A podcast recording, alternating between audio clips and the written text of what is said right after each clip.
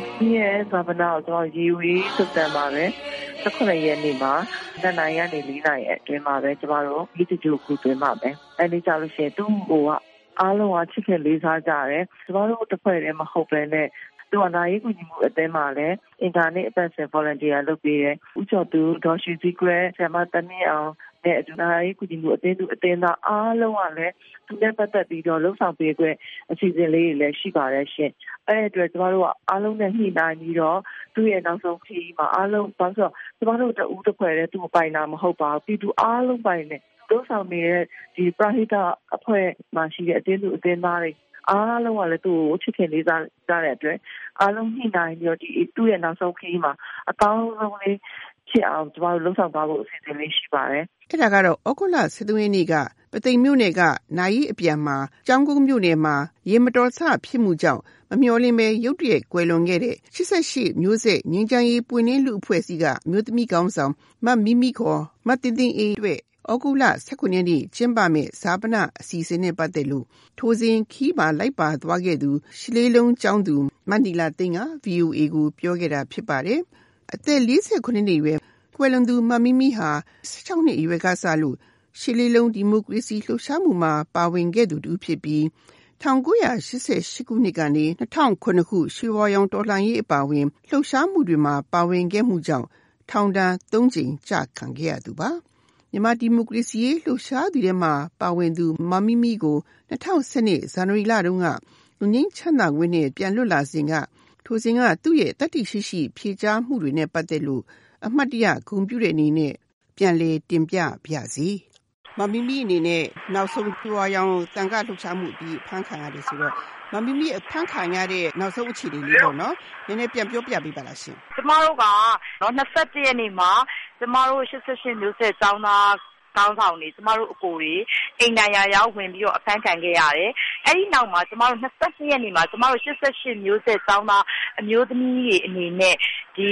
ဓါတ်ဆီဈေး၊ဒီဇယ်ဈေး မြင့်တက်မှုအတွက် ပြည်သူတွေ ဒုက္ခရောက်ရတာကို ကျမတို့က ပြည်သူတွေနဲ့အတူ ပူးပေါင်းပြီးတော့ လှည်းတန်းလမ်းဆုံကနေ ငြိမ်းချမ်းစွာနဲ့ ဆန္ဒပြခဲ့ကြပါတယ်။ဒီဆီဈေး ကြီးမြင့်မှုအတွက်ပေါ့နော်။အဲဒီနောက်ပိုင်းမှာ ကျမတို့က အလုပ်တွေ ဆက်ပြီး လုပ်စရာရှိတဲ့အတွက်ကြောင့်မို့လို့ အဲဒီအရင်တုန်းက ရှိခဲ့တဲ့ အာဏာပိုင်ရဲ့ မြင်ကွင်းအောက်ကနေ ကျမတို့ ခဏ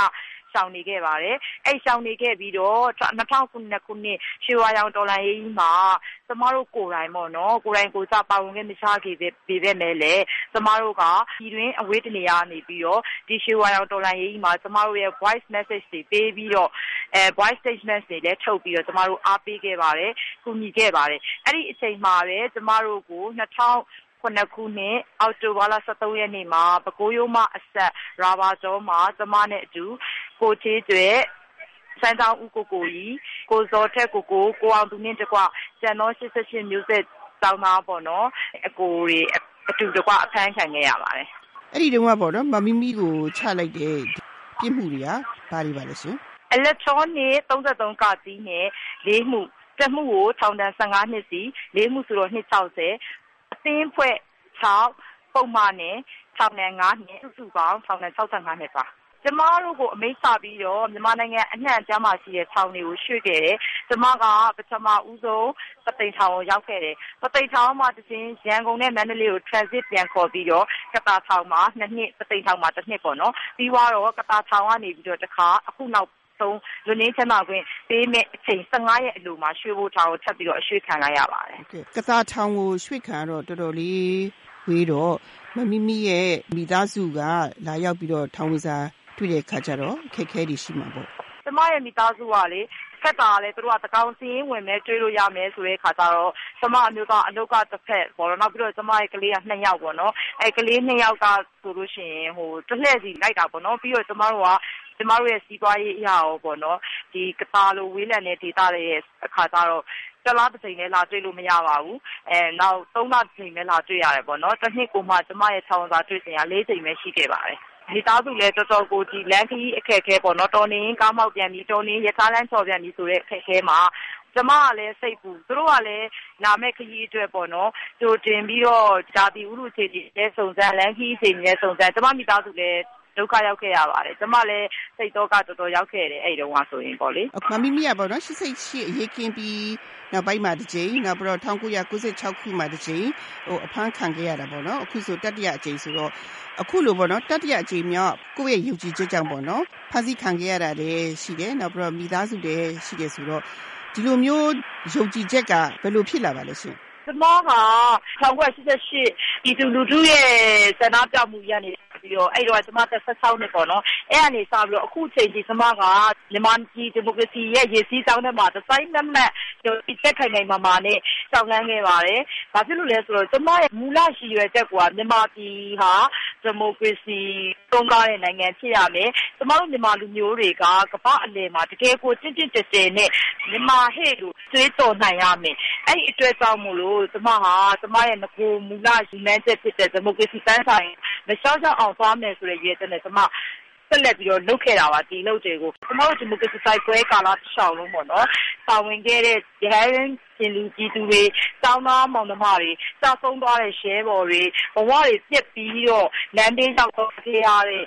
ပြည်သူတွေအတွက်ပေါ့နော် မြန်မာနိုင်ငံမှာ လူဖြစ်ရတဲ့ ကျမအတွက် တာဝန်အများကြီးရှိတယ်လို့ ယူဆတဲ့အတွက်ကြောင့်မို့ ကျမဟာ ဆက်ပြီးတော့ ဒီခရီးကိုရှောက်ခဲ့တာပါ အခုပေါ့နော် နိုင်ငံရေးပြည်ပြင်ပြောင်းလဲမှုမှာလည်း တော်တော်လေး ပြည်ပြင်ပြောင်းလဲတာတွေ တွေ့ရတဲ့အတွက်ကြောင့် ရှေ့ဆက်ပြီးတော့မျိုးသမီးတယောက်အနေနဲ့ပေါ့နော်ဘယ်လိုလှုပ်ဆောင်မယ်လို့ ရည်ရွယ်ပါလဲရှင်ကျမအနေနဲ့ကတော့ပေါ့နော်ကျမကငကိုတဲကလည်း လွတ်တော်တွေကို ဝင်ဖို့ စိတ်ကူးမရှိတဲ့လူပေါ့နော် ကျမတို့က ရှင်းရှင်းပြောလို့ရှိရင် တရားကြည်ဖို့အတွက် ဘေးနားကနေညမ်းပြေဆောင်ရရတဲ့လူတွေပေါ့နော် အဲ့တဲ့တောင်းလို့ မြန်မာပြည် ဒီမိုကရေစီထွန်းကားရေးအတွက် ကျမတို့ရှေ့ဆက်ပြီးတော့ပေါ့နော် NLD က လွှတ်တော်ထဲ ဝင်သွားတဲ့အခါသားလို့ရှိရင်ဒီမြန်မာနိုင်ငံတနံတရားမှာရှိတဲ့ ပြည်သူအတန်ကို အမှန်ဆုံးနဲ့ အမြန်ဆုံး လွှတ်တော်ထဲကိုရှောင်းနိုင်အောင် ပြည်သူတွေနဲ့ဒီတကားတဲ့တစ်ဆက်တည်းရှိပြီးတော့ ကျမတို့စူးစမ်းသွားမှာပါ ကျမတို့ လက်ရှိတိုင်းပြည်မှာ ရှိနေတဲ့ မြန်မာမျိုးသမီးတွေအနေနဲ့က ကျမတို့ရဲ့ဒီဒီမိုကရေစီနိုင်ငံတော်တည်ဆောက်ရေးမှာ မြင်ကျကျနဲ့အတိအញ្ញံဖွံ့ဖြိုးတိုးတက်စွာနဲ့ ပါဝင်လာနိုင်မှုကို ကျမ တိုက်တွန်းပါတယ်။မြန်မာအမျိုးသမီးတွေ အနေနဲ့ကတော့ပေါ့နော်များသောအားဖြင့် မိန်းကလေးဆိုတာကတော့ တော်တော်များများအိမ်ထဲမှာ နေကြတဲ့လူတွေ များပါတယ်။သို့သော်ငြားလည်းပဲ အိမ်ထဲမှာပဲနေနေ အိမ်ပြင်မှာပဲ ထွက်ပြီးတော့ လှုပ်ရှားမှုကိုပဲ လုပ်နေနေ ဘယ်နေရာမှာနေနေပေါ့နော်။အဓိကကတော့မိတို့ရဲ့ မျက်စိတွေ နားတွေက အမှန်တရားကို ရောက်ရာနေရာတွေရှာဖွေတတ်ရပါမယ်။အမှန်တရားအတွက်လည်း သတ္တိရှိရှိနဲ့ ရင်ဆိုင်နိုင်ရပါမယ်။အဲ့ဒီအတွက်ကို ကျမက မြန်မာအမျိုးသမီးတို့ကို တိုက်တွန်းပါတယ်။ဘယ်နေရာမှာနေနေ စာထဲမှာ အမှန်တရားရဲ့ အနှစ်သာရတွေ တွေ့ရပါလိမ့်မယ်။အဲ့ဒီအတွက်ကြောင့်စာများများဖတ်ပါ မိမိတို့ပတ်ဝန်းကျင်ကို လေ့လာပါ။နောက်ပြီးတော့ လက်ရှိနိုင်ငံရေးအခြေအနေကိုလည်း လေ့လာပါ အမျိုးသမီးတွေအနေနဲ့ပေါ့နော်။မျက်စိရှင်ရှင်နားရှင်ရှင်နဲ့ မြန်မာဒီမိုကရေစီ ရေးကြီးတောင်းထဲမှာ လိုက်ပါပြီးတော့ ဆောင်ရွက်ကြပါလို့ တိုက်တွန်းလိုပါတယ်။မမီမီခုလိုသူမကွယ်လွန်ပြီးလွန်ခဲ့တဲ့6နှစ်က တိုက်တွန်းခဲ့တဲ့အပေါ် ကနေ့ မြန်မာအမျိုးသမီးတွေအနေနဲ့ ဘယ်လိုတုံ့ပြန်ကြမလဲဆိုတာကတော့ စောင့်ကြည့်ရမှာဖြစ်ပေမဲ့သူနဲ့တိတ်ကိုရင်းနှီးတဲ့ ရှစ်လေးလုံးကျောင်းသူ မနီလာသိန်းကတော့ မမိတ်မတုံဆက်လက်ဆောင်ရွက်သွားမှာဖြစ်တဲ့အကြောင်းပြောကြားခြင်းနဲ့တူဒီသတင်းပိုင်ရဲ့မြို့သမီးများကဏ္ဍကိုหนีကုန်းချုပ်အပ်ပါတယ်ရှင်။ဖြစ်သွားဖြစ်မှာဒီမှာအခုချိန်ဒီဘလို့မှဖြစ်စမရဘူးနော်။အဲ့ဒါကျွန်တော်တယောက်ထဲမှာဟုတ်အကိုရီအားလုံးသူ့ရဲ့ညီမတွေအားလုံးသူ့ရဲ့အမတွေအားလုံးရဲဘော်တွေအားလုံးဒီမှာဘလို့မှဖြစ်စနိုင်အဲ့မှာကျွန်မခုချိန်ဒီဘလို့မှရှိငါအလုပ်ကိုဆက်လုပ်ရမလဲဆိုတော့အခြားအတွက်ကျွန်မကအခုချိန်ထိ ဒီကလုံးမရှိဘူးဒါပေမဲ့မပြီးဆုံးတဲ့လည်းအတွက်ကတော့ကျွန်တော်ဆက်ရှောင်ရမယ်ဆိုတဲ့အခါကျွန်တော်နှစ်ဆပါတော့သူ့အတွက်ပါနှစ်ဆသူ့လုံးချင်တဲ့သူဖြစ်ချင်တဲ့အရာတွေကျွန်မတို့ပန်းစံရောက်တဲ့အထိဒီမဲ့ချက်တွေအောင်နေတဲ့အထိကျွန်မစူးစမ်းရမှာပါအဲ့ဒါမှလည်းသူတမန်လည်းဝါးနေရှင်းနိုင်မှာပေါ့နော်